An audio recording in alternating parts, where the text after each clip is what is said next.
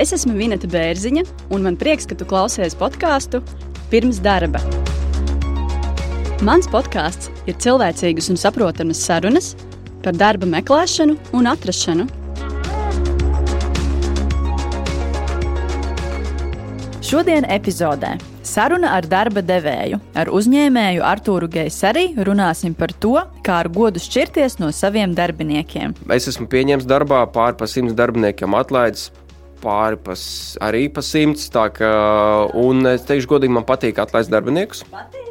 Patīk, vakar vienu programmētāju atlaidu. Um, man visi kolēģi vienmēr brīnās, kāpēc man patīk to darīt. Un es atbildu, tāpēc, ka man vienmēr ir divas ziņas, kad es to pasaku. Saku, man ir viena laba, viena slikta ziņa. Otrā saruna ir ar Baltic biznesa tehnoloģiju vadītāju Ilonu Petersoni. Uzzināsim, ko Nacionālajā līdzsabiedrībā dara Lutausis un Sprīdītis. Kā mēs nokļuvām pie Lutauša kā nosaukuma, var pastāstīt, ka mm, tad, kad uzbūvējām šo robotu, tad uh, programmētājs uh, prasīja, nu, kā mēs nosauksim šo sistēmu. Un kā reiz tajā dienā darbā bija mans dēls, atnācis. Um, Es viņu biju paņēmis līdzi. Neatceros, kas bija par situāciju, bet viņam bija seši gadi. Viņš tajā dienā bija pie manas darbā. Un es joku pēc prasīju viņam, kā tev šķiet, kā mēs varētu nosaukt sistēmu, kas ir kā robots mums.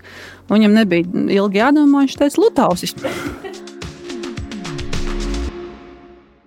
Kodeliks kursi - tā ir tava iespēja bez priekšzināšanām trīs mēnešos apgūt programmētāja profesiju. Pēc apmācību pabeigšanas Kodeliks palīdzēs tev atrast programmētāja darbu. Par mācībām Kodeliks kursos tu maksāsi tad, kad sāksi pelnīt vismaz 1000 eiro mēnesī. Informāciju par Kodeliks meklē podkāstu epizodes aprakstos. Šodien pie manis podkāstā viesojas Arthurs Gaisarī. Viņš ir uzņēmējs un darba devējs. Parasti klasiski, klasiski pie manis podkāstā varbūt vairāk ciemojas darba meklētāji un personāla atlases speciālisti. Jā, varbūt salīdzinoši darba devēja podkāstā ir bijuši mazāk. Man prieks attiecīgi, ka Arthurs ir pieteicies aprunāties podkāstā un es labprāt laipni arī uzņemu pie sevis. Tā kā sveiks, Artur! Sveiki, Vinēt! Paldies, tev liels, ka pieaicināji! Vai tu vari lūdzu pastāstīt, ar ko tu šobrīd nodarbojies un kas tu esi? Jā, šobrīd esmu uzņēmējs. Es nodarbojos ar biznesa kreditēšanu. Mums pūļu kofinansējuma platforma Crowdestor, kur mēs palīdzam caur mūsu 20 tūkstošu investoru palīdzību finansēt mazos, vidējos un arī dažreiz lielos uzņēmējus vairākās valstīs, ne tikai Eiropā. Tas ir viens. Otrs man ir finanšu konsultāciju uzņēmums, kur mēs palīdzam jauniem uzņēmējiem, topošiem un esošiem rakstīt biznesa plānus, finanšu modeļus taisīt un nu, attīstīt, uzlabot savu biznesu. Tā kopumā es esmu pār biznesa attīstību. Es, uh, jā. es skatos, ka tur esi sarakstījis grāmatu Sober Gorilla. Garila, skaidrā garila latviešu tā es viņu iztūkotu. Tas ir par to, ka par uzņēmēju darbību, par to, ka uzņēmējiem ir ļoti daudz ego. Kas tā kā grila, tā ir tā lielā grila, sestais stiprākais dzīvnieks pasaulē, kas nu, viņš ir tik liels un spēcīgs, un tas ego ir tas, kas draivo mūsu priekšu, bet vienlaicīgi tas ego neļauj uzņēmējiem redzēt pilnu bildi kopumā. Ļoti interesanti. Un, un, un savukārt tā kompānija, ko tu esi dibinājis, Crowdestor, pareizi izrunāja. Uh, Crowdestors pievienojas jau tad, kad viņi tika dibināti. Tā kā mm -hmm. viņi jau dibināti, viņi strādāja jau divus gadus, un tad es pievienojos komandai šā gada, man liekas, tas bija aprīlī. Nu jā, es īstenībā iepriekš nebiju dzirdējis, teikšu atklāti par šo kompāniju, un arī papētīju mājaslapu un paskatījos, un tie projekti, attiecīgi, kas tur ir iekšā, likās, jā, tiešām ļoti, ļoti interesanti. Es saprotu, ka tā ir tā kā vietējā kompānija, vai tomēr uh, Igaunijā dibināta? Nu, juridiski viņi dibināti Igaunijā, jā. jo ir dažādi likumdošanas aspekti. Jā, jā. Jā, bet visa komanda lielākā daļa atrodas Latvijā. Dibinātāji tā kā. Jā, vietējā, dibinātāji jā. no Latvijas, mm -hmm. darbinieki lielākā daļa ir Latvijā. No Latvijas mēs apkalpojam uzņēmumus no dažādām Eiropas valstīm. Nu, un tas ir tas plus, ka tev uzņēmums ir online, ka tu vari no vienas vietas Rīgas vai mazajā oficiālā sniegt savu pakalpojumu vairākās valstīs online. Mm -hmm. Tas forši. Bet tas, laikam, tas svarīgākais, ko es gribēju pateikt, lai klausītāji saprotu, kas es esmu. Es neesmu tikai uzņēmējs tagad. Es esmu bijis algots darbinieks vairākus gadus. Jā. Es savu karjeru uzsāku tur Ernsta Jangā, biju strādājis un uh, lielā holdinga uzņēmumā par finanšu analītiķi, izaugu līdz finanšu direktoram. Nu, turienes ir tā pieredze, tā, kas bija, kā saka, ja mēs to par barikādēm sauksim, kaut arī es negribu viņus, protams, saukt par barikādēm. Tas bija abās pusēs.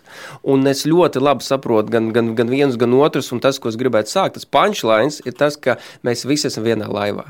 Lieliski, tad šodien parunāsim par šo te laivu, kur mēs visi atrodamies, attiecīgi darba devēji un darba meklētāji. Un tā tēma, varbūt, kuras gribētu pieskarties, jo īstenībā iepriekš varbūt nav runāta šī tēma podkāstā par to, kā aiziet ar godu no komponentiem kompānijas un kā aiziet ar godu varbūt tajā brīdī, ja tevi atlaiž darba devējs, un arī, arī varbūt no darba, darba devēja skatu punkta, kā varbūt tikt galā ar to, ka varbūt tev ir jāatlaiž darbinieki, un, un arī attiecīgi no šī darba meklētāja skatu punkta par, par rekomendācijām, jo jebkurā gadījumā, ja tu aizēji no kādas darba vietas, tev visticamāk prasīs atsauksmes par tevi, tā kā rekomendācijas. Līdz ar to, kā tad, kā tad aiziet no darba vietas, lai, uh, lai pēc tam tavs iepriekšējais darba devējs sniegtu labu atsauksmi par tevi, tā kā nesadedzinot visus, til, visus tiltus. Līdz ar to gribu vaicāt tev, kā ir, vai tavā dzīvē ir bijusi pieredze atlaižot darbiniekus? Tā ir ļoti laba tēma, par ko mēs runāsim. Īsnībā ir ļoti daudz interesantas tēmas, par Jā. ko mēs varam runāt. Jo es uzskatu, ka kā pareizi aiziet prom no darba, atbildi ir, kā pareizi izvēlēties darbu. Tas ir jautājums uz jautājumu. Jo pirms vispār izvēlēties darbu, tur ir vesels liels process, apzināties. Jo kas ir darba attiecības? Tās ir attiecības starp nu, juridisko un fizisko personu, bet pēc būtības tas ir cilvēka attiecības. Tas pats mums ir attiecības ar ģimenes locekļiem, ar, ar, ar otru pusīti, ar draugiem, Jā. ar paziņām un arī biznesā. Mums ir biznesa, biznesa attiecības tur arī tur ir sava veida attiecības, kas jāveido. Tā kā es to jautājumu plašāk gribētu izskatīt, ka tas ir cilvēka attiecības, kā viņas veidot un kā nesadedzināt tos. Uh, tos ceļus. Mm -hmm. ja. Es esmu pieņēmis darbā pāri pa simts darbiniekiem, atlaidis pāri pas, arī pa simts. Kā, jā, nu un daudz. es teikšu, godīgi, man patīk atlaist darbiniekus. Patīk, jā. Patīk, es vakar vienu programmētāju atlaidu. Um, un man visi kolēģi vienmēr brīnās, kāpēc man patīk to darīt. Un es atbildu tāpēc, ka man vienmēr ir divas ziņas, kad es to pasaku. Saku, man ir viena laba, viena slikta ziņa slikta ziņa, jā, ka tu esi atlaists, un tad es stāstu to labo ziņu. Un parasti es veltu ļoti daudz laika, kāpēc uh, es atlaižu, kas labs notiks rīt, parīt, pēc jā. mēneša, pēc diviem, un kā to vislabāk izdarīt. Jo, manuprāt, ļoti svarīgi ir darba devējiem būt ļoti pieklājīgiem pret darbinieku un atklāti teikt, kas notiek. Ja, un, uh, Protams, mums ir juridiskais un faktiskais Jā. un principiālais. Juridiskais, nu, laikam, mazāk gribētu aiztikt, ka tur jāmaksā pabalsti, jāmaksā tas, tas, tas. tas nu, par tas. to es domāju, šodien nerunāsim. Par to, lai juristi runāja, kā, kā, kā saglabāt darba attiecības uh, Covid laikā, bet, uh, bet no prakses teikt, kādas attiecības jāiet un jārunā. Vispār, ja ir kaut kāds jautājums, ka kāds grib kādu paaugstinājumu, kādam kaut kas nepatīk, kolēģis, priekšnieks, vai ir kaut kāda ideja, jāiet pie darba devēja un jārunā. Un tas ir tas svarīgākais. Un otrs puses, ja darba devējs Jā. redz, ka viņš, viņam nepatīk, vai viņš redz, ka kāds darbiniekam nu, slikti padodas kāds darbs, tad par to un jārunā. Un man parasti ir trīs pieejama princips. Ja es redzu, ka cilvēkam nepadodas vai kaut kas nesanāk, viņš neprasa strādāt, tad es uh, tur vienreiz parunāju, mēģinu palīdzēt. Otrais, trešoreiz, nu, ja pēc trešā brīdinājuma cilvēks nekādīgi nesanāk, nu, tad es saku, nu, paldies uz redzēšanos, un, un tas ir normāls uzskats. Nu. Tu minēji, ka tu saki arī kā labās ziņas atlaižot darbiniekus. Kas, kas ir tās labās ziņas, ko, ko tu pasaki? Uh, No, jādomā nedaudz plašāk. Um, tajā momentā, protams, cilvēkam ļoti stipras emocijas. Mums, protams, jā. mēs esam homo sapiens, mums ir emocijas, un dažreiz viņas ir stiprākas nekā tā racionālā daļa. Ja tas cilvēks padomā, kas būs pēc gada vai pēc diviem, viņš varētu saprast, ka nekas traģisks īstenībā nav noticis. Diez vai jūs atceraties savu, kad, kad jūs atlaidat vai jūs aizgājāt prom no sava pirmā darba, jūs jau tur 20 gadu stāžus vairākos uzņēmumos strādājuši. Un tajā brīdī mans uzdevums ir parādīt tas plašāk, kas ir labs. Pirmkārt, ja jūs atlaižat, tad bija kāds iemesls. Vai nu tas uzņēmums nav rentabls, viņš ir spiests atlaist darbiniekus dažādu iemeslu dēļ, covid, ne covid. Otrakārt, varbūt darba devējs neredz jūsu potenciālu.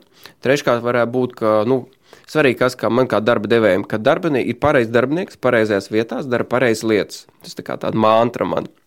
Gadās, ka jāmaina vietām, gadās jādod citus uzdevumus, vai gadās, ka ir jāatlaiž. Un tas sanāk, ja, ja tas notiek, tad tas nozīmē, ka darba devējs vairāk neredz iespēju, kā šis cilvēks varētu kā, sev parādīt. Un tas piemērs par to programmētāju, ko es vakar Jā. atlaidu, tieši tas ir bijis. Viņu potenciāls nebija pilnībā atvēries mūsu uzņēmumā, un mēs nevarējām viņam to potenciālu atvērt.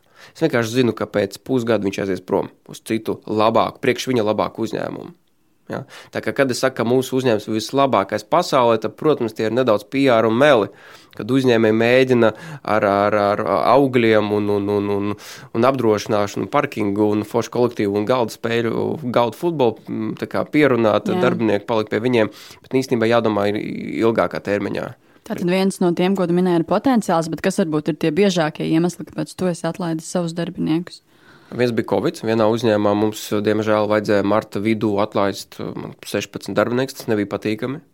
Un tur daudz visādas interesantas lietas notika. Ar lielāko daļu sanāca ļoti labi parunāt, vienoties un kā, nu, izbeigt darba attiecības, izmaksāt visu kompensācijas. Nu, ar dažiem nesanāca tik labi runāt. Tur bija tāds, tā kā, nu, par to vēlāk nedaudz parunāsim, labi. kā labāk nerīkoties. Jo pēc labi. tam man tagad zvana citi mani pazīstami partneri citos, teiksim, uzņēmumos un prasa atsauksmes.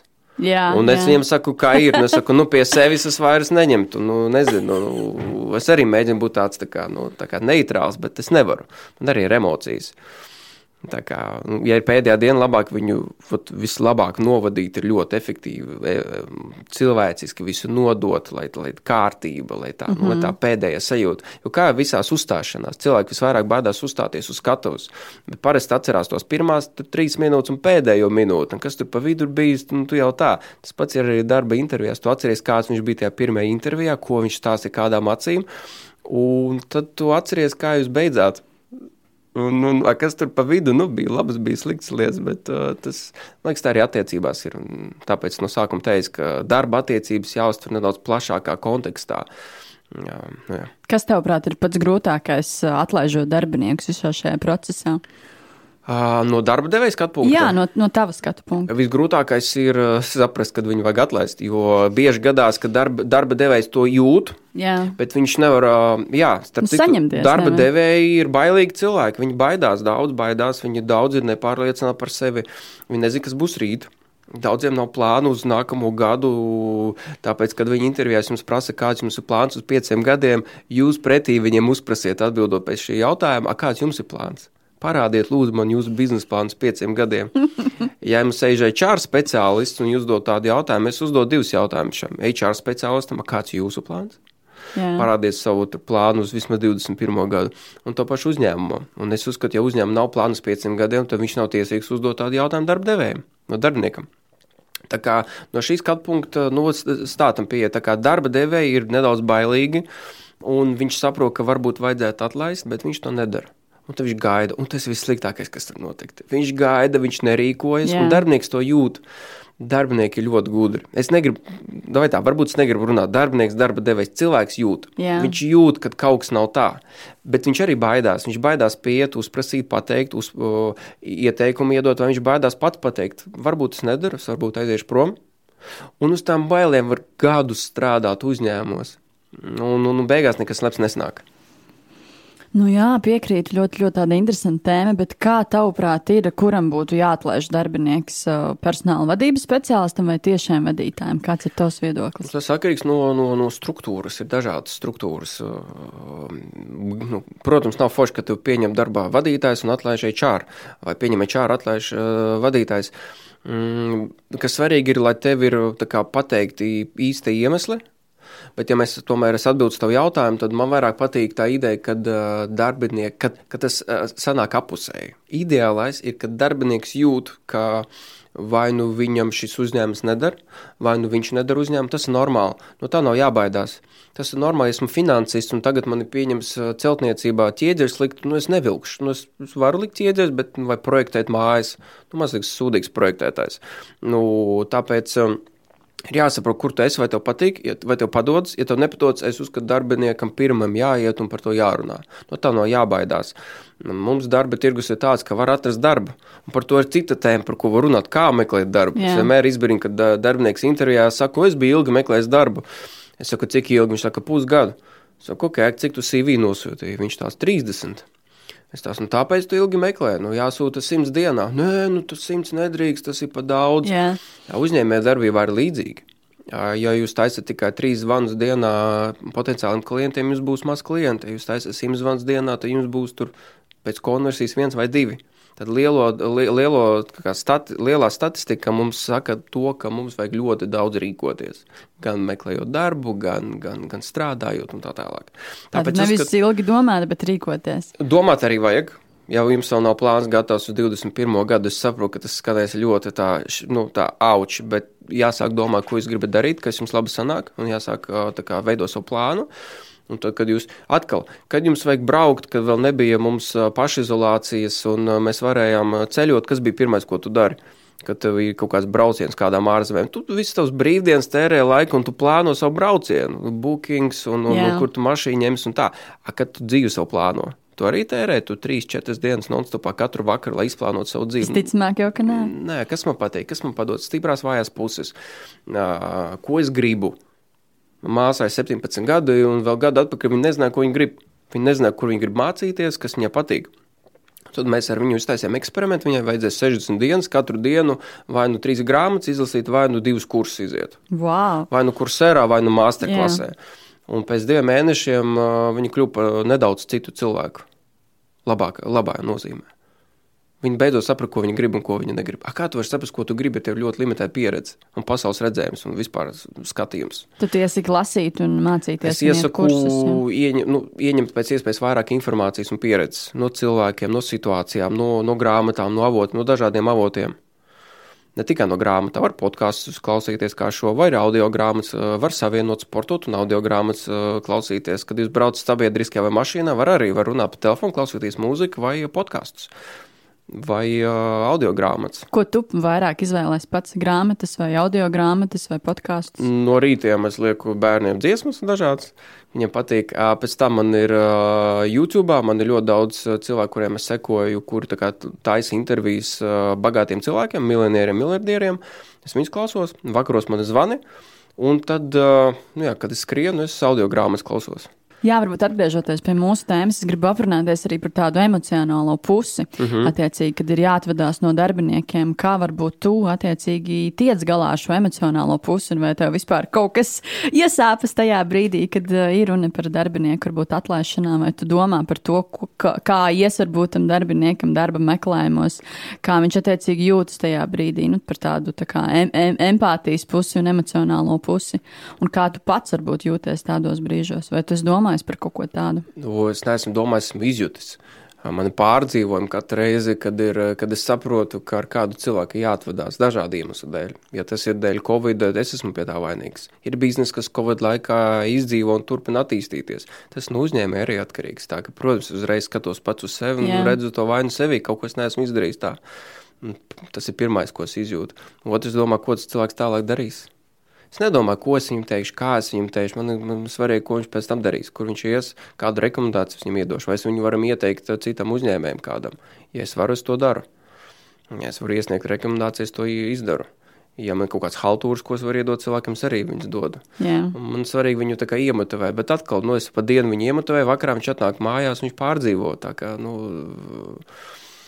Bet es arī vienmēr, es vienmēr visiem saku, viss, kas notiek, notiek uz labāko. Šodien tu to nesaproti, bet rīt parī pēc mēneša tu, tu atcerēsies tos vārdus un, un teiksi, paldies, jā, tas bija, tas bija, tas bija ļoti forši. Atceros vienu stāstu. Man bija viens darbinieks vienā kreditēšanas uzņēmumā, un es sapratu, ka viņš tā nav viņa pareizā vieta. Tad es atnācu, ja Andrejs sauc, saku, Andrej, manuprāt, tev nav tā labākā vieta, kur strādāt. Yeah. Viņš tāds labi, ko man darīt? Es saku, ko tu pats gribi darīt? Viņš tāds, es gribu par uzņēmēju kļūt. Es saku, nu labi, nu davai, tad, tad nu, pabeidz darbu un ej prom.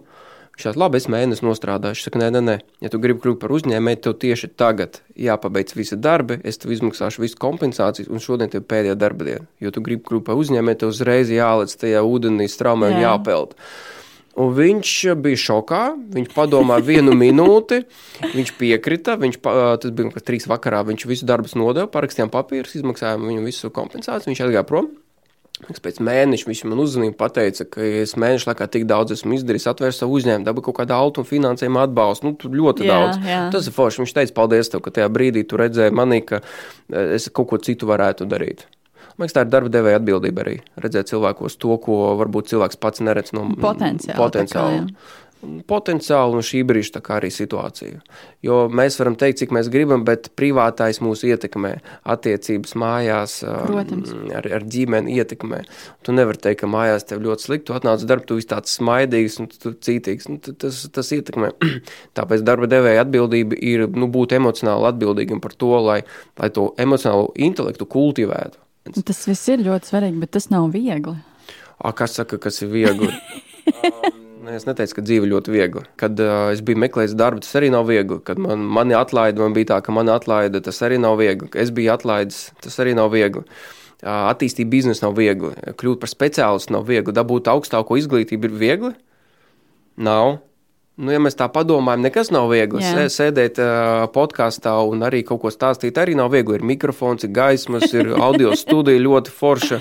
Un, un, un, un cilvēki, kas tev skatās, tas nu, vai vadīt webinārus uz 500 cilvēkiem, kurus tu neredzi, jo ir caur zūmu, tu vienkārši skaties pats uz sevi un tur sarkanā lampiņa tāda deg vai uzstāties. Uh, Uh, bet varbūt uh, es piedāvāju tomēr vairāk parunāt par to, kā uzvesties tad, uh, tajā situācijā, kad nu, atnāk tā. Tad atbildot uz jautājumu, ja es iesaku jebkuram cilvēkam, viņš jūt, ka kaut kas viņam nepatīk, Jā. vai kaut kas viņam ir kaut kādi jautājumi, uzreiz ejiet pie darba devēja, pie, pie, pie HR, pie, pie, pie, pie jūsu menedžera un runājiet par to. Obligāti ir jārunā. Kā šobrīd to runāt, kad vispār notiek attālināti? Nu, zvanīt. Kā, nu, prim, primārais vienmēr ir tikties parunāt fiziski. Ja nav, tad ir zvans. Telefons, zūms. Ja jums nav zūms, nu, tad jums ir telefons. Nu, jums nav telefons, nu, jums būs grūti izdzīvot šajā pasaulē. Diemžēl. Nu jā, varbūt tad paturpināt tēmu, tad kā, kā jā, uzvesties attiecīgi, kā aiziet ar godu un, un, un kā nesadedzināt visus tiltus, jo pēc tam vajadzēs labas atsauksmes no iepriekšējā darba devēja. Tas ir labs jautājums. Laikam, atceroties tos dažādas atlaišanas gadījumus, es teiktu tā, ka laikam vislabāk tie cilvēki ir performējuši vai nu kur ir gaidījuši, vai nu tie, ar kuriem bija sākotnēji labas attiecības. Jā. Bet bija tie, kuri nebija gaidījuši, viņi negaidīja, kā šokā ir. Kā es, kāpēc? O, bet es taču labi, tik labs darbinieks biju. Un labi, Covid, bet no ko es gribu strādāt? Man nav tas, nav tas. Un tad Jā. viņš sāk tur pārdzīvot, un viņam sāk stāstīt, ir tāda situācija, kāda ir. Piemēram, debitori maksā sliktāk, jā, pēc likuma ir jāizmaksā visi pabalsti, bet uzņēmumam ir tāda situācija, un tad mums ar tevi kaut kā jāsāk vienoties, un tad viņš iestājas pozā. Tā, es domāju, pirmais uh, ieteikums nestāties pozā.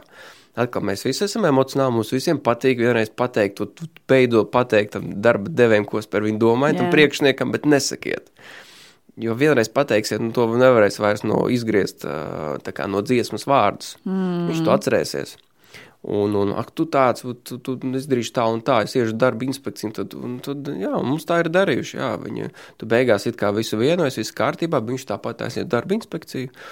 Nu, protams, pēc tam labu atsauksmi par šo cilvēku nu, es laikam nedodu. Nu. Bet kā ir, ka tev pēc tam zvana un prasa tās atsauksmes? Ko, ko tu saki par tiem cilvēkiem, kur varbūt nav aizgājuši ar godu un tur drats ir sataisījuši un apsaukājuši? Jo viņi zina, ko es viņiem pateikšu. Tad viņi attiecīgi nedod kontaktus, lai ievāktu atsauksmes. Viņi nedod. Viņi nedod. nedod viņi. Jā, un otrs, ko viņi dara un ko lūdzu nekad nedariet, nerakstiet CV to, ko jūs neesat darījuši. Man bija viens puisis, viņš tā, tādā veidā aizgāja prom. Viņš sev CV bija rakstījis, ka viņš bija atsū, attīstījis jaunu produktu mūsu uzņēmumā. Un kad es, protams, viņam pārsūtu to CV, yeah. klausies, ar to rekrutās Džeks vai tā meitene pie tevis strādāja. Pastāst par viņu, atsūta man CV, tur kaut kā pieteikumu. Skatos, ka tāds, oh, manā uzņēmumā bija tāds produkts, interesanti. Jo ļoti reti īstenībā pārbauda un, un zvana un referen, referents. Bet nu, nekad tā nedariet, jo tas izpeld un tas nav labi. Protams, ka tu esi ieraudzītais. Nu, nē, nē, mums nebija tāds produkts pirmkārt. Otrakārt, nu, neko labu par viņu nevar pateikt. Nē, viņš ir labs cilvēks. Atkal, Jā. tas, ko es saku, ir, uh, nu, to vajag uztvert tā, ka jebkuram cilvēkam ir ideāla darba vieta. Vienkārši viņu ir jāatrod. Nu, jautājums, kur un kādos apstākļos, un varbūt uh, kurā valstī. Varbūt online jums jāstrādā. Varbūt citā valstī, varbūt jums jākļūst par uzņēmēju, varbūt jums jākļūst par, par, par jāmaina profesija. Tas, tas ir ļoti daudz. Uh, Domāju, tā viena no problēmām mūsdienās, ka cilvēki pārāk piefiksēs pie tā, ka viņi paši sev izdomājuši pēc izglītības, pēc pirmā darba, kad viņš tagad strādās. Es atceros, mēs vienu banķieru pieņēmām, viņš 16 gadus vienā bankā nostrādājis. Es nevaru iedomāties, cik kā var 16 gadus strādāt vienā. vienā. Es arī nevaru iedomāties. Un, nu jā, viņam bija grūti to mūsu fintechā izdzīvot, jo viņam tā jau domāšana tā jau iegājas, ka viņam diemžēl vai par labi tikai uz banku iet. Tu iepriekš minēji, ka tev ir bijuši tie cilvēki, kuri varbūt netik skaisti ir aizgājuši projām. Varbūt kādu piemēru vari pastāstīt, padalīties, ja tu vēlēsies. Nu, tas arī tas konkrētais case, kad mums bija Covid, diemžēl mums Jā. vajadzēja atlaist uh, cilvēkus, un viens no viņiem, kad mēs runājām, viņš teica, uh, ok, es saprotu, ka ir situācija, bet ja jūs mani šodien atlaižat, tad šodien man maksāt visus pabalstus oficiāli, un tad es eju prom. Uz ko es teicu, jā, mēs, mēs uh, labprāt, bet mums šobrīd finansiālā situācija tāda, ka, nu, Mums vajag dažas vēl nedēļas. Jā. Es tam vienkārši saku atklāti, un man, mans tā pieeja vienmēr ir pret visiem kolēģiem. Es visu darbinieku par kolēģiem saucu, man nepatīk tas vārds darbinieks. Jā, jo tie ir kolēģi, mēs kopā strādājam vienā laivā peldam. Es saku, es vienmēr biju atvērts pret jums. Es vienmēr teicu, jums nepatīk, ka iet runājiet. Ja jūs gribat atrast jaunu darbu, pasakiet man to. Un tad, kad un nedariet tā, ka pēc tam es uzzinu, ka jūs bijat intervijā, jo pēc tam uzreiz tas ir mīnusiņš. Ja, ja es zinu, ka darbinieks pusdienu laikā iet uz citu darba interviju, tad priekš manis tas ir mīnus. Jo es vienmēr biju brīdinājis. Nepatīk, aiziet, pasaki, ka tu pusdienās ies uz interviju. Tad priekš manis tā būs zīme, kad mums ar tevi jāparunā. Varbūt kaut kas mums neiet, varbūt kaut kas jāmaina. Bet nevajag paklusot darīt. Tāpēc viens no jautājumiem, ko man patīk intervijās uzdot, ir uh, tos darba devējs, zina, ka tu neesi intervijā. Jā, un tas skatos, un ko visbiežāk tev atbild? Mm, dalās. 51% atbild, nezinu, darba laiks, pusdienu laiks, mans laiks, ko, ko grib to darīt. Visbiežāk es tāds, diemžēl, cilvēks. Nu, es laikam nevienam savam darba devējam neesmu teicis, ka eju uz interviju. jā, bet tas, tas ir atkarīgs. Man vairāk patīk cilvēki, kas saka atklāti, es biju parunāta, es ticamāk iešu prom, vai darba devējs zina, ka es meklēju jaunu darbu. Un jā, es tagad brīvajā laikā, nu, tagad vai pusdienu laikā mēs ar jums tagad runājam. Vai tev ir bijusi tāda situācija, ka darba intervijā cilvēks tev saka uh, kaut kādas sliktas, uh, sliktas lietas par iepriekšējām darba vietām, un kā tu varbūt reaģē tādās situācijās? Viena, tev labi sanāk uzdot labus jautājumus, jo uh, Es atceros, ir bijuši tādi, un um, tas, tas jau nav labi. Tas tas pats, kas teikt kaut ko sliktu par bijušiem uh, sadarbības partneriem vai par, vispār par jebkuru cilvēku. Tu vienreiz pasaki, un viss, un tas pie tevis tas paliek. Uh, nav labi un slikti. Ir vienkārši dažādas situācijas, kurās mēs dažādi rīkojamies. Un tajā brīdī mums šķiet, ka kāds kaut ko slikti izdarīs. Paiet viens gads, divi gadi, un tu pēkšņi kļūsti par to uzņēmumu vadītāju. Tad tu sāc kaut ko tikai labu par to uzņēmumu teikt, Jā. tāpēc, ka tu maksā lielu algu. Tā kā tas mainās. Bija viens džeks, viņš bija strādājis, nu, nesaukt, nedrīkst saukt uzņēmumu nosaukums. Kāpēc nedrīkst? Nē, nu, tā, tāda paša principa pēc, ka ir konkrēts puisis, kurš strādā citā fintech uzņēmumā, yeah. kurus zinu abus īpašniekus. Viņš atnāk, viņš pirmkārt saka, ka mani darba devēji nezina, kas ir intervijā. Yeah. Otrkārt, viņš nav apmierināts ar darbu tur. Protams, pēc intervijas es uzzvanu tiem īpašniekiem, saku, nu kā viņš jums patīk. Viņš tā, tā viņš bija tevis bijis, saku, nu jā, viņš tas, ojoj, oj, viņš ir tagad prom. No, no, no tevis projām no vai viņ, no tās? No turien, no tā, pie, pie pat, viņš pat darbu mājas darbu nebija nosūtījis. Viņš jau saprot, pēc intervijas cilvēks uzreiz saprot, vai, vai tas ir tas, ko viņš grib darīt. Uh, Ja, ja tu negribi divas stundas mājas darbu tērēt, nu, tad, um, tad laikam mums nav pa ceļam. Jā, paturpinot par atsauksmēm, ir arī tāda lieta kā rekomendācijas vēstules, mm -hmm. kas. Latvijā varbūt nav izplatītas, bet ārzemēs ir. Ko tu par to domā? Tā kā jā, Latvijā nekā tāda nav. Uh, ja, piemēram, Latvijā kaut ko tādu ieviestu, kā domā, vai tas vispār strādātu? Es uh, laikam ieviestu kultūru obligāti zvanīt iepriekšējiem darba devējiem un uzdot jautājumus, ko tu vari pateikt. Tas Jā. ir viens un otrs, protams, iemācītiem darba devējiem celtās klausulas un atklāti teikt par tiem darbiniekiem. Lielāko daļu jūs nevarat sazvanīt. Mm, kāds ir strādājis kādā citā uzņēmumā, un tur tagad vai nu vadība pamainīsies, vai vadība tik aizņemta, ka viņi necer klausu, un kā tu vari dabūt rekomendāciju. Mm -hmm. Man liekas, aizdomīgi šobrīd, diemžēl, ja cilvēks atnāk ar desmit rekomendāciju vēstulēm uz interviju, uzliek viņus uz galda. Manuprāt, tev jāsaprot tā situācija. Ir kaut kādas nerakstītās lietas, tā kā, tā kā likumi, kur, nu, pēc kuriem tu skaties. Pārāk liels sīvīs slikti, pārāk maziņš arī slikti. Nu, es savu skatījumu yeah, saku. Jā. Yeah. Pārāk daudz runā, nu, labi, pārāk maz klusē. Nu, tad jābūt jābūt kaut kādam zelta vidum, kā, kā Buda teica. Un, tad, kad ir zelta vidus, tad uh, lietas notiek.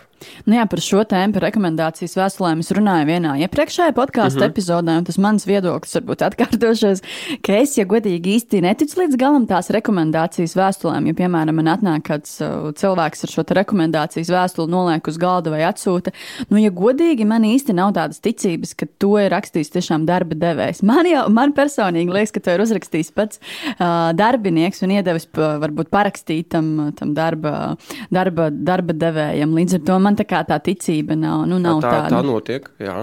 Es tam pilnībā piekrītu. Man, kad darbinieki nāk un saka, iedod man rekomendāciju, saku, uzraksti pats.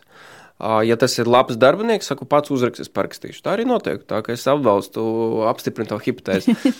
Bet tie, kuriem es saku, es neko labu nepateikšu, mm, tad. Tad tu, nu, protams, neparaksti tādu. Protams, tādu neparaksti. Jā.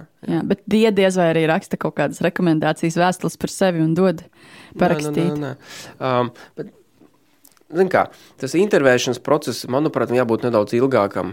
Man patīk tas Japānas pieeja, kad, nu, kad tu 11 mēnešus tev aizņem process no brīža, kad tu nosūti savu CV līdz brīdim, kad tev darbā pieņem, ka tas process ir tik ilgs, Jā. bet tad tu tur strādā 50 gadus. Varbūt tas ir pārāk mums nesaprotam, kā, nu, nesamērīgi, bet tu 50 gadus strādā vietā. Nu, tik labi viņi izvēlas to cilvēku un tik labi, ka tev patīk tā vieta.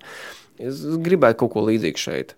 Jo darbiniek, darbiniekiem, atvainojos, kolēģi, jāsaprot, ka darba devējam nav laika pieņemt darbā cilvēkus.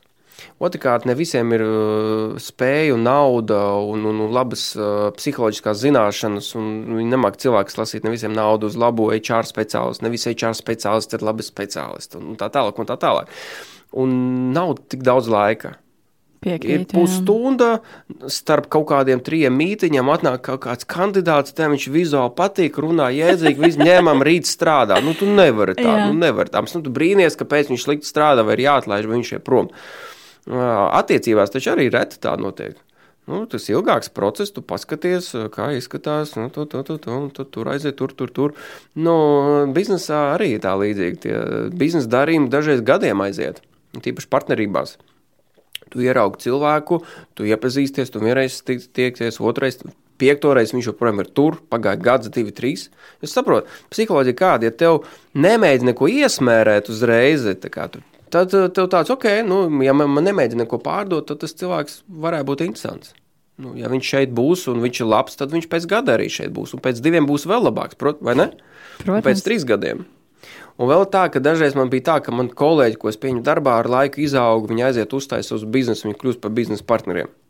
Vai viņi kļūst par citu uzņēmumu augstu līmeņu vadītājiem, tad uh, man ar viņiem pēc tam vieglāk veikt sadarbību. Tā kā te priekšdarba devējiem arī ieteikums nededzināt uh, tiltus.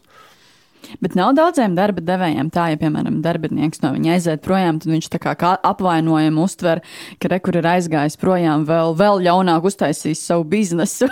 Vai tev ir cits viedoklis? Es tā nedaru. E, Otrakārt, tie uzņēmēji, kuri apvainojas, e, nu, tie nav, man liekas, tie nav normāli uzņēmēji, jo tev nav laika apvainoties. Tev vajag risināt mums ir cits problēmas, ko risināt. Mums ir bankas, AML, VITS, uh, regulators, PVD, debitori, kreditori, tev ir darbinieki, tev ir nodokļi, tev ir budžetēšana, tev ir naudu jāmeklē, tev ir tik daudz lietas tavā biznesā, kas tev ikdienā notiek, ka, manuprāt, sēdēt un apvainoties uz kādu darbinieku, kuram nu, ir sūdīgi gājis, un, un, un viņš iet prom, un viņam ir, nu, viņš, viņš iet prom. Uh, vēl kaut ko to sliktu pie tam pateikt. Nu, lai viņš iet prom, lai nu, tev nav laika apvainoties. Man liekas, tā ir neliederīga laika tērēšana, apvainoties gan darbiniekam, darba devēja, gan otrādi. Darbiniekam apvainoties uz to, ka viņu CV neizlasīja, neatbildēja, ka jāpaldies, mēs saņēmām jums, mēs neielūksim jūs uz interviju. Principi ir tādi, ka ne, lielākā daļa neatbild darba devēja. Tas ir fakts. Jā. Ko mēs tagad apvainosimies uz faktiem? Jā. Un tas pats ir par darba devēju, ko viņam apvainoties. Ir lietas, kas jārisina. Nu, jādomā par nākotni. Es vienā seminārā, kas bija Māršala Goldsmiths, klausījos nesen, un viņš teica, ka jātaisnē feedback sesijas, kad mēs ar darbinieku sēžam un runājam, ka, ka, bet feed forward, ka tu runā par nākotni vairāk nekā par pagātni. Mm -hmm. Runājam par nākotni, ko tur apvainoties uz kādu cilvēku. Nu, jābūt racionāliem. Emocijas atstājam sev mīļiem, tuviem cilvēkiem. Viņam trūks mūsu emocijas. Emocija limitēts resurs arī, tāpat kā uzmanība. Tērējam to saviem mīļiem. Labs ieteikums. Paldies! ja nu iedomājamies, ka tagad kāds, iespējams, klausītājs klausās šo podkāstu un ir varbūt tikko aizgājis no darba un ir sanācis tā, varbūt, ka viņu atlaida vai kaut kāda cita situācija gadījusies, ko tu varbūt ieteiktu šādam cilvēkam?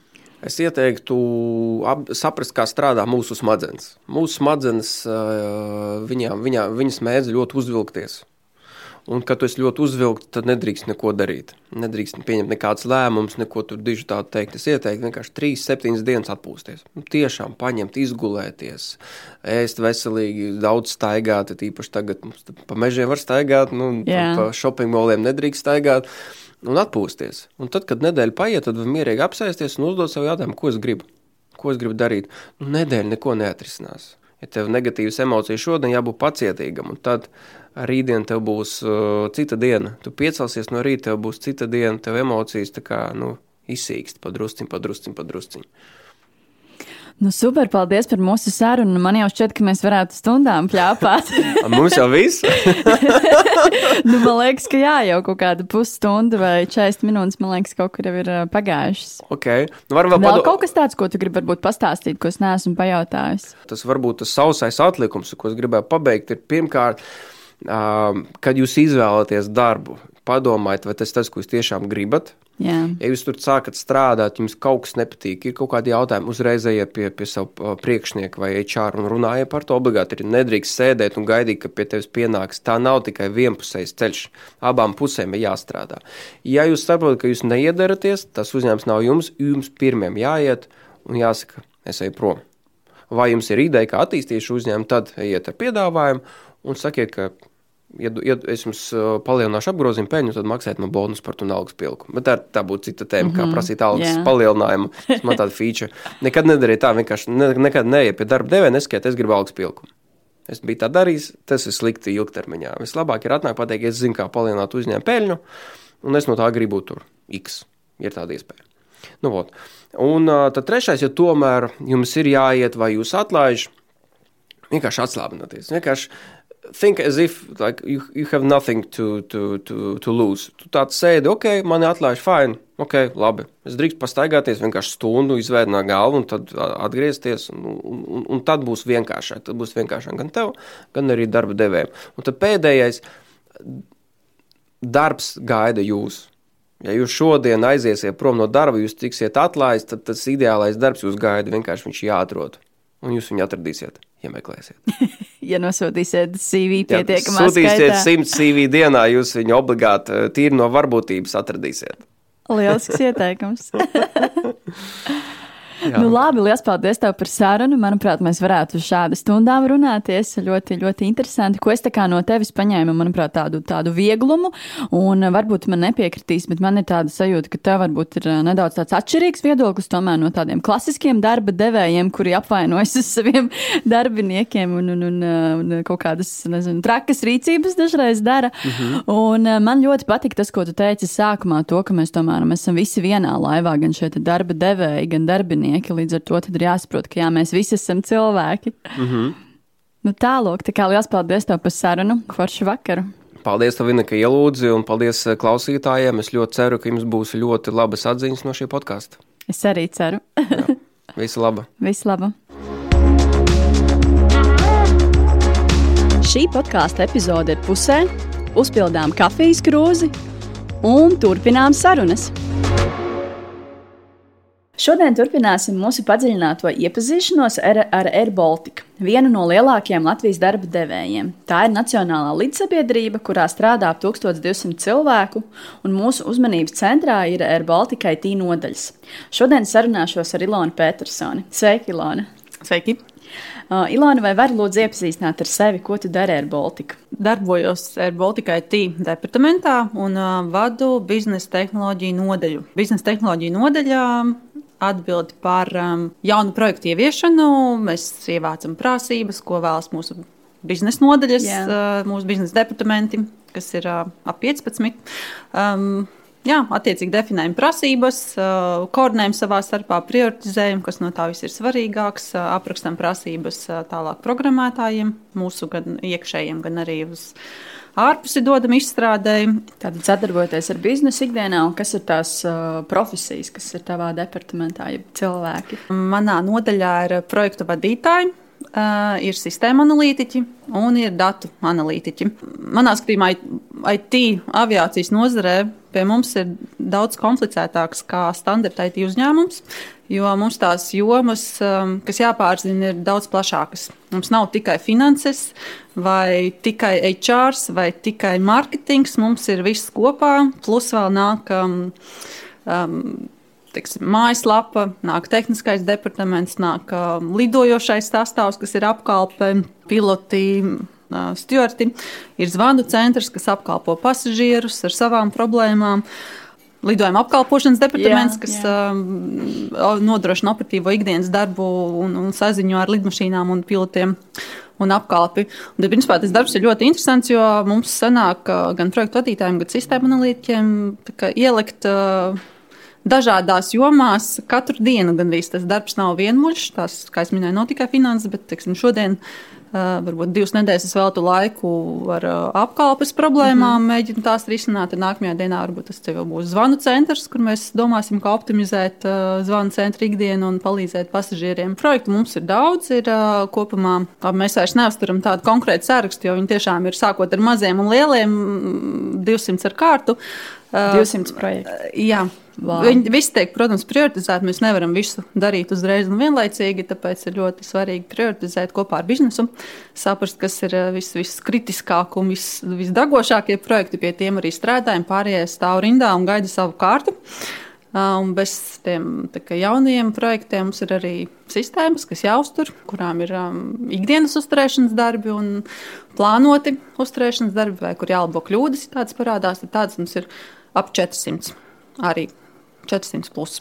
Tad katrs darbinieks ir atbildīgs par savu saimniecību. Jā, jā. Un, un vajadzības gadījumā viens otru aizstājam. Par IT sistēmām es domāju, mēs šodien vēl noteikti parunāsim. Sākumā gribu par tevi. Es paskatījos uh, tavu LinkedIn profilu. Uh, tu jau ilgus gadus strādā ar Baltiku, bet ko es pamanīju, uh, ka tu attiecīgi ta, tava šī iepriekšējā nozara bija finanses. Kā varbūt tu nokļuvi no, no finansista uz IT? Kāds ir tavs stāsts? Vai tu vispār atceries vēl? Mm, atceros, jā. Tātad iepriekšējā darba vieta man bija Latvijas Banka, finanses, kā minējāt. Um, darbs bija jā, stabils, tā varētu teikt, bet es uh, sapratu, ka tas nav gluži piemērots man, jo man patīk izaicinājumi, patīk diezgan uh, mainīga vide. Uh, darbs bankā ir diezgan paredzams, uh, ir jābūt visam kārtībi, kārtībā pēc protokoliem. Pirms es zināju, ko es darīšu gan īsti pēc gada, Nu, paredzam nākotni.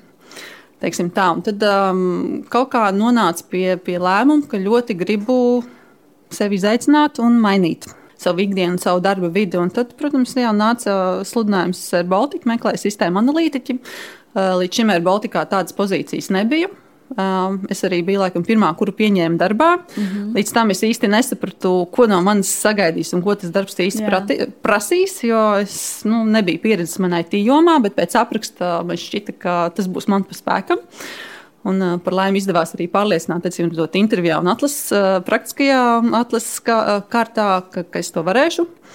Un, jā, un es ne, nemirkli tā kā nenožēloju savu lēmumu, jo, principā, jā, es varētu teikt, jau pirmajā mēnesī es, uh, izdzīvojos pa dažādiem departamentiem un sapratu to, nu, tā, tā, to sfēru un to plašumu, ka tas tiešām ir daudz, daudz vairāk, kā man bija pirms tam bankā tieši. Nu, jā, protams, pagāja kāds laiks, kamēr es sapratu aviāciju terminus. Jā. Atceros vēl tagad diezgan spilgt savu pirmo sanāksmi, kur visi runāja svešvārdos priekš manis, kas mums šobrīd jau tā ir ikdienas valoda, bet uh, darbiniekam, cilvēkam no malas tas viss liekas pilnīgi nesaprotams. Mm -hmm. Tas bija tas pirmais uh, šķērslis, kas bija jāpārvar. Man liekas, kāds pusgads noteikti pagāja, kamēr es sapratu tieši aviācijas terminus.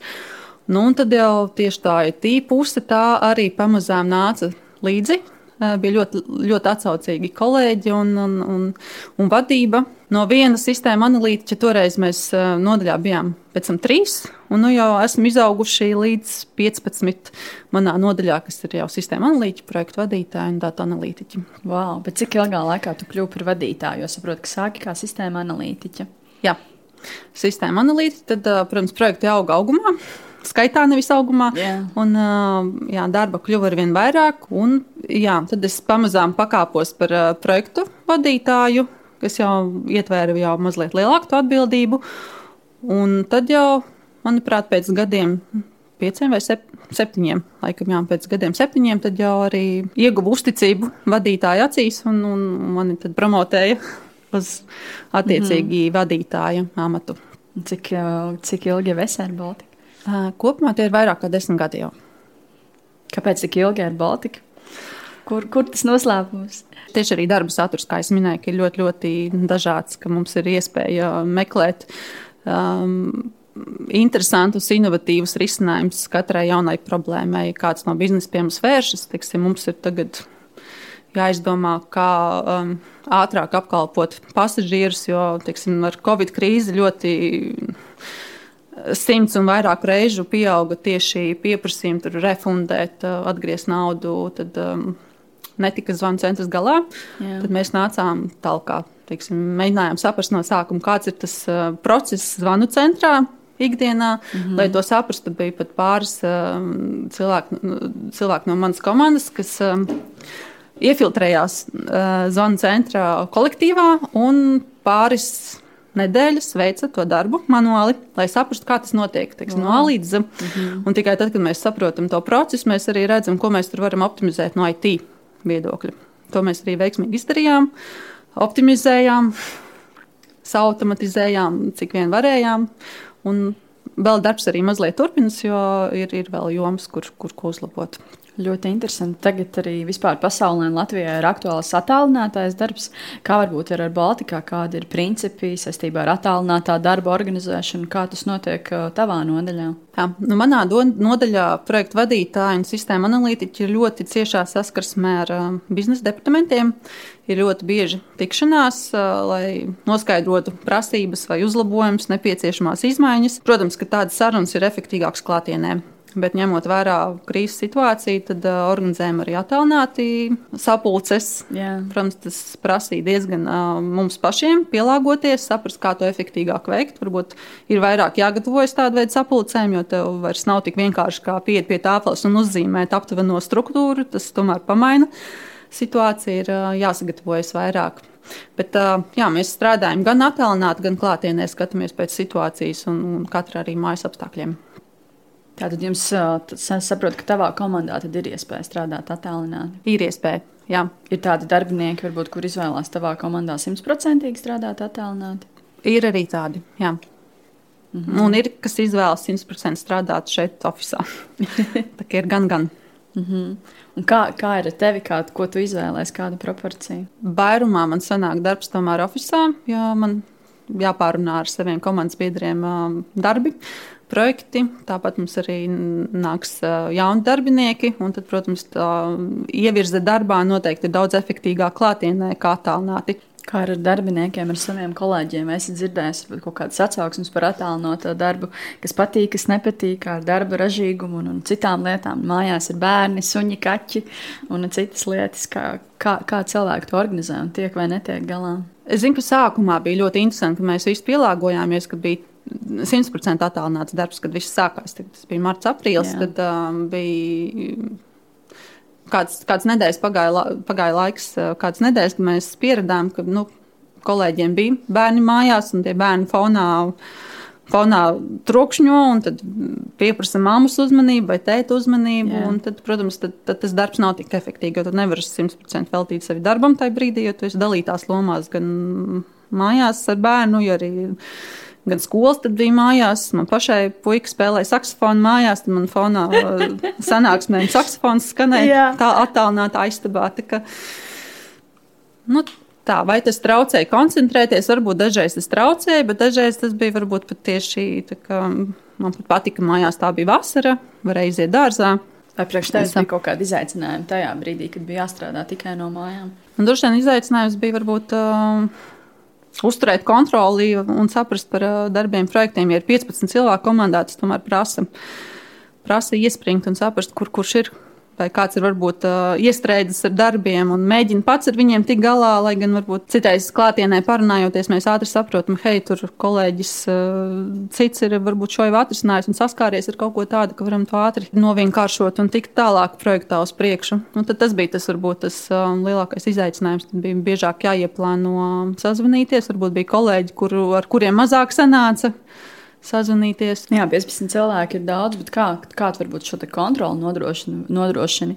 Varbūt tev ir kaut kādas projekta vadības sistēmas, vai darba laika uzskaitas sistēmas, vai kaut kādi citi rīki. Šobrīd mums ir iknedēļas sapulces, kur mēs reizi nedēļā vai nu sazvanamies, vai klātienē tiekamies, nu, atkarībā no kur kurš cilvēks atrodas tajā brīdī, un tad iziem cauri projektiem, kas ir iepriekšējā nedēļā paveikti, un par plāniem nākamajai nedēļai. Tā, tāds mums ir tas atskaites punkts. Strādājot attālināti, bieži vien cilvēki uzskata, ka darba ražīgums pieaug. Kā, kā ar tevi, kā tu šķiet, vai, vai tā ir taisnība, vai ir tieši pretēji? Nu, es tagad salīdzinu ar periodu, kad tas viss sākās, kad bija Jā. 100% mājas apstākļi. Tad, um, kaut kā saka, ka tajā brīdī tieši projekti IT nodaļā ir Baltikā. Es neteikšu, ka dubultojās, bet ļoti, ļoti auga skaitā. Ja pirms tam bija priekšstats, ka, nu, ka varbūt viss būs minimāli, tā samazinām floti, darbinieku skaitu, tad uh, pārslēdzamies uz izdzīvošanas režīmu uz kādu laiku, tad sanāca tieši pretēji, jo dzimta ļoti daudz jaunas vajadzības tieši Covid sakarā, kas bija tas pats, ko minēju, zvanu centram palīdzēt darbu atslogot, ikdienā optimizēt. Tad bija nodrošināta apkalpei, lai nav teiksim, kontakts ar virzemes apkalpošanu un Jā. to visu automatizēt. Un vēl daudz, daudz tādu piemēru, ka mums mājaslapā bija jāuzlabo formas dažādas, lai cilvēkiem būtu ērtāk pieteikt un, un, un ātrāk saņemt atbildi par saviem pieprasījumiem. Strādājām pat ārpus darba laika, bija, bija komandas un cilvēki, kas regulāri sazinājās un likās, ka nu, ir jau par daudz. Tas ražīgums bija diezgan liels, un tad uh, savā ziņā bija ļoti prieks pēc tam atgriezties oficiālā. Jo tad bija diez, diezgan izaicinājums saorganizēt tieši tādā kritiskā situācijā, kad ir nepieciešams ātrs rezultāts, saorganizēt darbu, jo iesaistītās puses bija daudz, tas nebija tikai tī, mm -hmm. tas bija vairāk, vairāk departamenti. Nu, tā bija jauna pieredze ar kur tikām galā. Kā ir no mājām strādājot? Vai nav tā, ka daži cilvēki varbūt kļūst, kļūst darba holiķi un nespēja piecelties no galda un, un beigt strādāt? Nē, Man šķiet, ka cilvēki varbūt var sadalīt to darbu, kā viņi dara. Tad varbūt tu kļūst mazliet fleksiblāks, varbūt ir biežāk attēlps brīži pie leduskapa iespējams, un tad varbūt tas darbs ielgst kādam, ja tu neesi paspējis izdarīt to, kas bija plānots tajā, tajā dienā, bet citādi nē. Kā ar tevi? Strādājot no mājām, nezinu, kad beidzas darba laiks, aizver datoru ciet, vai, vai tomēr vēl kaut ko dari. Kā varbūt novilkt šīs robežas darbs mājas? Es cenšos robežu novilkt, ir brīžiem grūti, jo tā pēkšņi izmest darbu, un, ja tas kaut ko nopietni sāc domāt, ir grūti. Bet jā, man palīdz. Uh, Dārzs, man ir dā, piemājas dārziņš. Vasarā tas bija izteikti, tagad, protams, nē. Bet, jā, vasarā tad uh, varēja uzreiz pārslēgties Super. savās puķu dobēs. Super. Tad saprotu, ka tev ir hobijs dārzniecība. Jā. Ir arī kaut kāda sasnieguma saistībā ar šo? um, es teiktu, esmu diezgan liels amatieris. Es mm -hmm. ļoti ātri atsaucos reklāmām un jaunā, jaunajiem tulpju sīpoliem, ko es ieraugu jau krāšņākas bildes, jo man vairāk uzrunā. Tad es mēģinu to visu izmēģināt. Mm -hmm. Un tad ar nepacietību gaidu, ka tas viss pēc tam izaugs galā un kāds, kāds būs tas um, baudījums acīm. Super. Saprotu, ka dārzniecība ir tas, kas palīdz tev atslēgties no darba ikdienas. Jā, jā es varu diezgan pavadīt laiku pētot savu puķu uzkalniņu un plānojot, ko kā es tur pārstādīšu. Un, un, un, jā. Tad dārzā, dārzā amatieris un darbā profesionāls. Jā, varam arī tā teikt.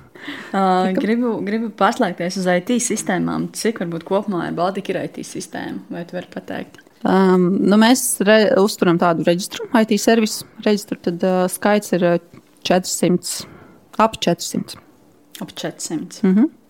nu, manuprāt, izklausās ļoti daudz. Cik ir darbinieki? Vairāk kā 1000, 1200. 1200, jā, bet nu, tie IT servisi tie arī tās varbūt arī mazas sistēmiņas, mm -hmm. kaut kas tāds, varbūt, kas varbūt citkārt neuzskaitīta, bet tā, mums ir jātur rūpa par pilnīgi visām sistēmām, kas ir ar Baltikā, lai mēs zinātu un pārzinātu, kas tad ir mūsu saimniecībā, tad, tad mēs reģistrējam arī mazas sistēmas. Bet var man pastāstīt, ko dara sistēma analītiķis tavā komandā? À. Vienkāršiem vārdiem.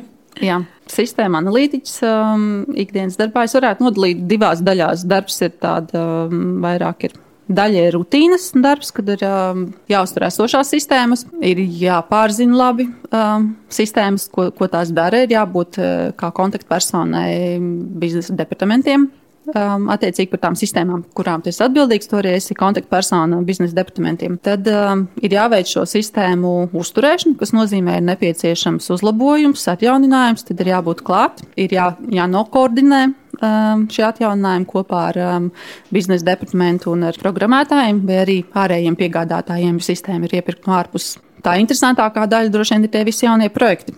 Uh, ja ir jauns projekts, tad sistēma analītiķis ir tas, kurš uh, ievāc detalizēti prasības, mēģina saprast uh, vislabāko un optimālāko risinājumu. Tas parasti nenotiek vienatnē, bet tas ir komandas darbs, kur mēs kontaktējamies gan iekšēji, mums ir um, daudz maz, mazu tikšanās reižu, kur mēs izrunājam, vai ir kaut kas līdzīgs jau kaut kur bijis, kaut kur kaut ko varam pārizmantot, vai, vai mums atmaksājas būvēt pašiem, vai ir jāmeklē esošs risinājums kaut kur ārpusē un jāpērk. Nu, tad, attiecīgi, ievācot detalizētās prasības, potenciālos risinājumus, komunicējam tālāk ar biznesa departamentiem un kopīgi pieņemam lēmumu, kurš ir, tas, kurš ir variants, ko mēs ieviešam, un tad sistēma analītika praktiķis ir arī klāt pie pašas ieviešanas. Palīdz ieviest, palīdz testēt, un pēc tam arī kļūst par to atbalsta kontaktpersonu biznesam tālāk pie sistēmas lietošanas. Vai sistēma analītiķi kaut kādā veidā arī iedalās tavā komandā? Nezinu, piemēram, tur finanses, uh, klientu apkalpošanas sistēmas un tā tālāk. Jā, bet mēs esam atvērti arī uz kā, to atbildības jomu maiņu.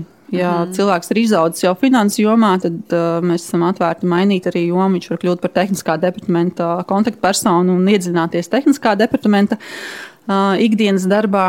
Um, Bet uh, kopumā jā, ir nodalītas jomas. Ir pāris uh, darbinieki, kas atbild par uh, lidojumu operāciju nodaļu, kas uh, plāno organizē lidojumus un apkalpi. Tad ir darbinieki par tehnisko departamentu, ir par mājaslapu atbildīgie par. Uh, datu noliktavu atbildīgie sistēma analītiķi par dažādiem datu pieprasījumiem. Tā, tās lomas ir sadalītas, bet uh, mēdzam arī pamainīt, lai nav rutīna, lai neiestājas darbiniekiem. Par sistēmām runājot, varbūt jums ir kādas sistēmas tādas, kuras nav nevienai citai avio kompānijai. Jā, noteikti. Mums ir sistēma ar nosaukumu Lutausis. Esmu pārliecināta, ka tāda nav nevienam. Um, tā ir sistēma, par kuru esam ļoti lepni. Uh, tā ir viena no mūsu pašu būvētajām sistēmām. Mums ir tādas vairākas.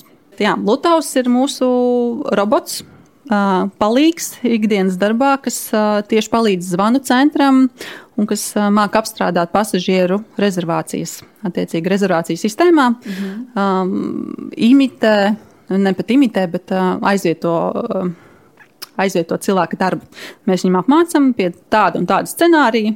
Ir teiksim, jāizdara komanda X, ko viņš arī veiksmīgi izdara. Tā mēs arī tiekam galā ar ļoti lieliem datu apjomiem. Ja ir jāapstrādā tūkstošiem rezervācijas, tad, tad mūsu lutausis to dara dienu un nakti, neatpūstamies ar vairākām rokām, Jā. jo viņam ir arī vairākas rokas, ne tikai viena vai divas. Bet jā, ļoti daudz, un tā mēs arī varam nodrošināt to apjomu, kā ātrāk tiekam ar to galā, teiksim, tās pašas um, naudas atmaksas, ja bija standartizēts scenārija, nekas tāds nebija noticis. Teiksim, cilvēks vienkārši nopircis biļeti un vēl nav nolidots, un ir pieprasīta naudas atmaksa, tad tādus mūsu lutos prātā apstrādāt un, un veiksmīgi visu sistēmā izdarīt, kas bija nepieciešams.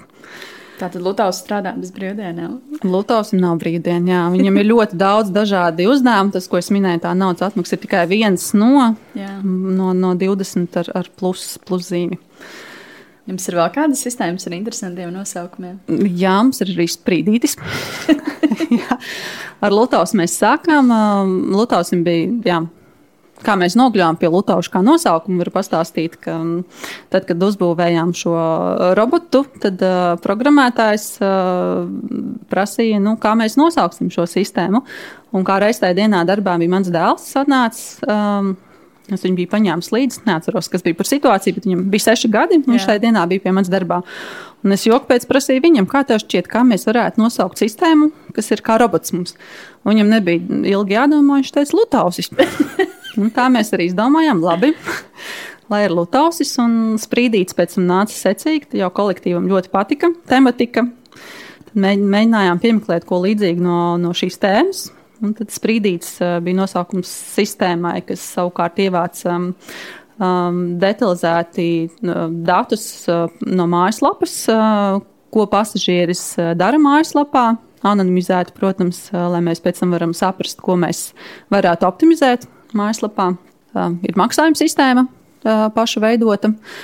Lidojuma apkalpošanas departamentam ir izveidota lēmumu pieņemšanas palīdzības rīks, jeb tāds dashboards, tāda siena, kur viņi reālajā laikā redz informāciju par lidojumiem, kur ieplūst dati no ļoti daudzām sistēmām par laikapstākļiem, gala mērķos, par apkalpi, vai visa apkalpe ir ieradusies un iečkojusies uz reisu. Par degvielu, par nu, pilnīgi visu, kas saistīts ar lidojumu, lai viņiem ir operatīvi vienā vietā šī informācija, viņiem uz lieliem ekrāniem, kas viņiem palīdz arī pieņemt ātri lēmumus. Ja kaut kas ir ārpus rāmjiem, tad ir sarkanā krāsā, un tad viņi operatīvi rīkojas. Līdzīgu sistēmu mēs arī būvējām mūsu tehniskajam departamentam, ko mēs saucam par tehvolu, jeb tehn tehniskā departamenta siena, kas aizvietoja tāfeles, ja pirms tam bija plānošana uz tāfelēm. Tad tagad tas, ir, tas viss ir elektroniski, tieši tāpat, lai atvieglotu viņu ikdienas dzīvi.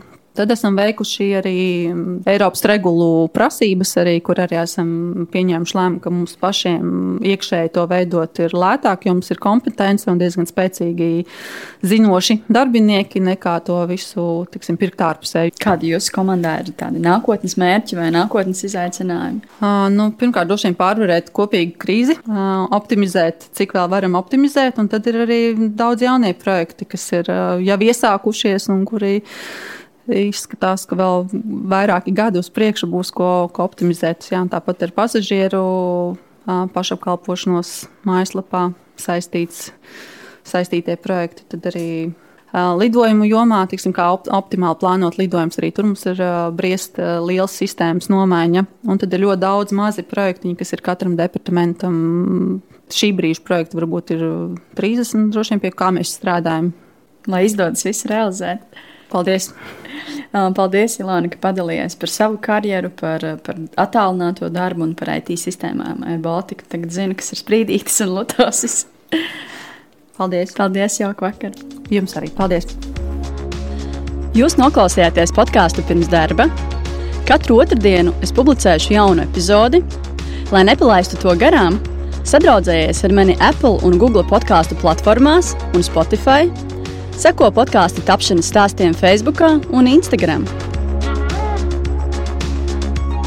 Raksti komentārus, iesaki sarunu tēmas, pastāsti savu darba meklēšanas stāstu.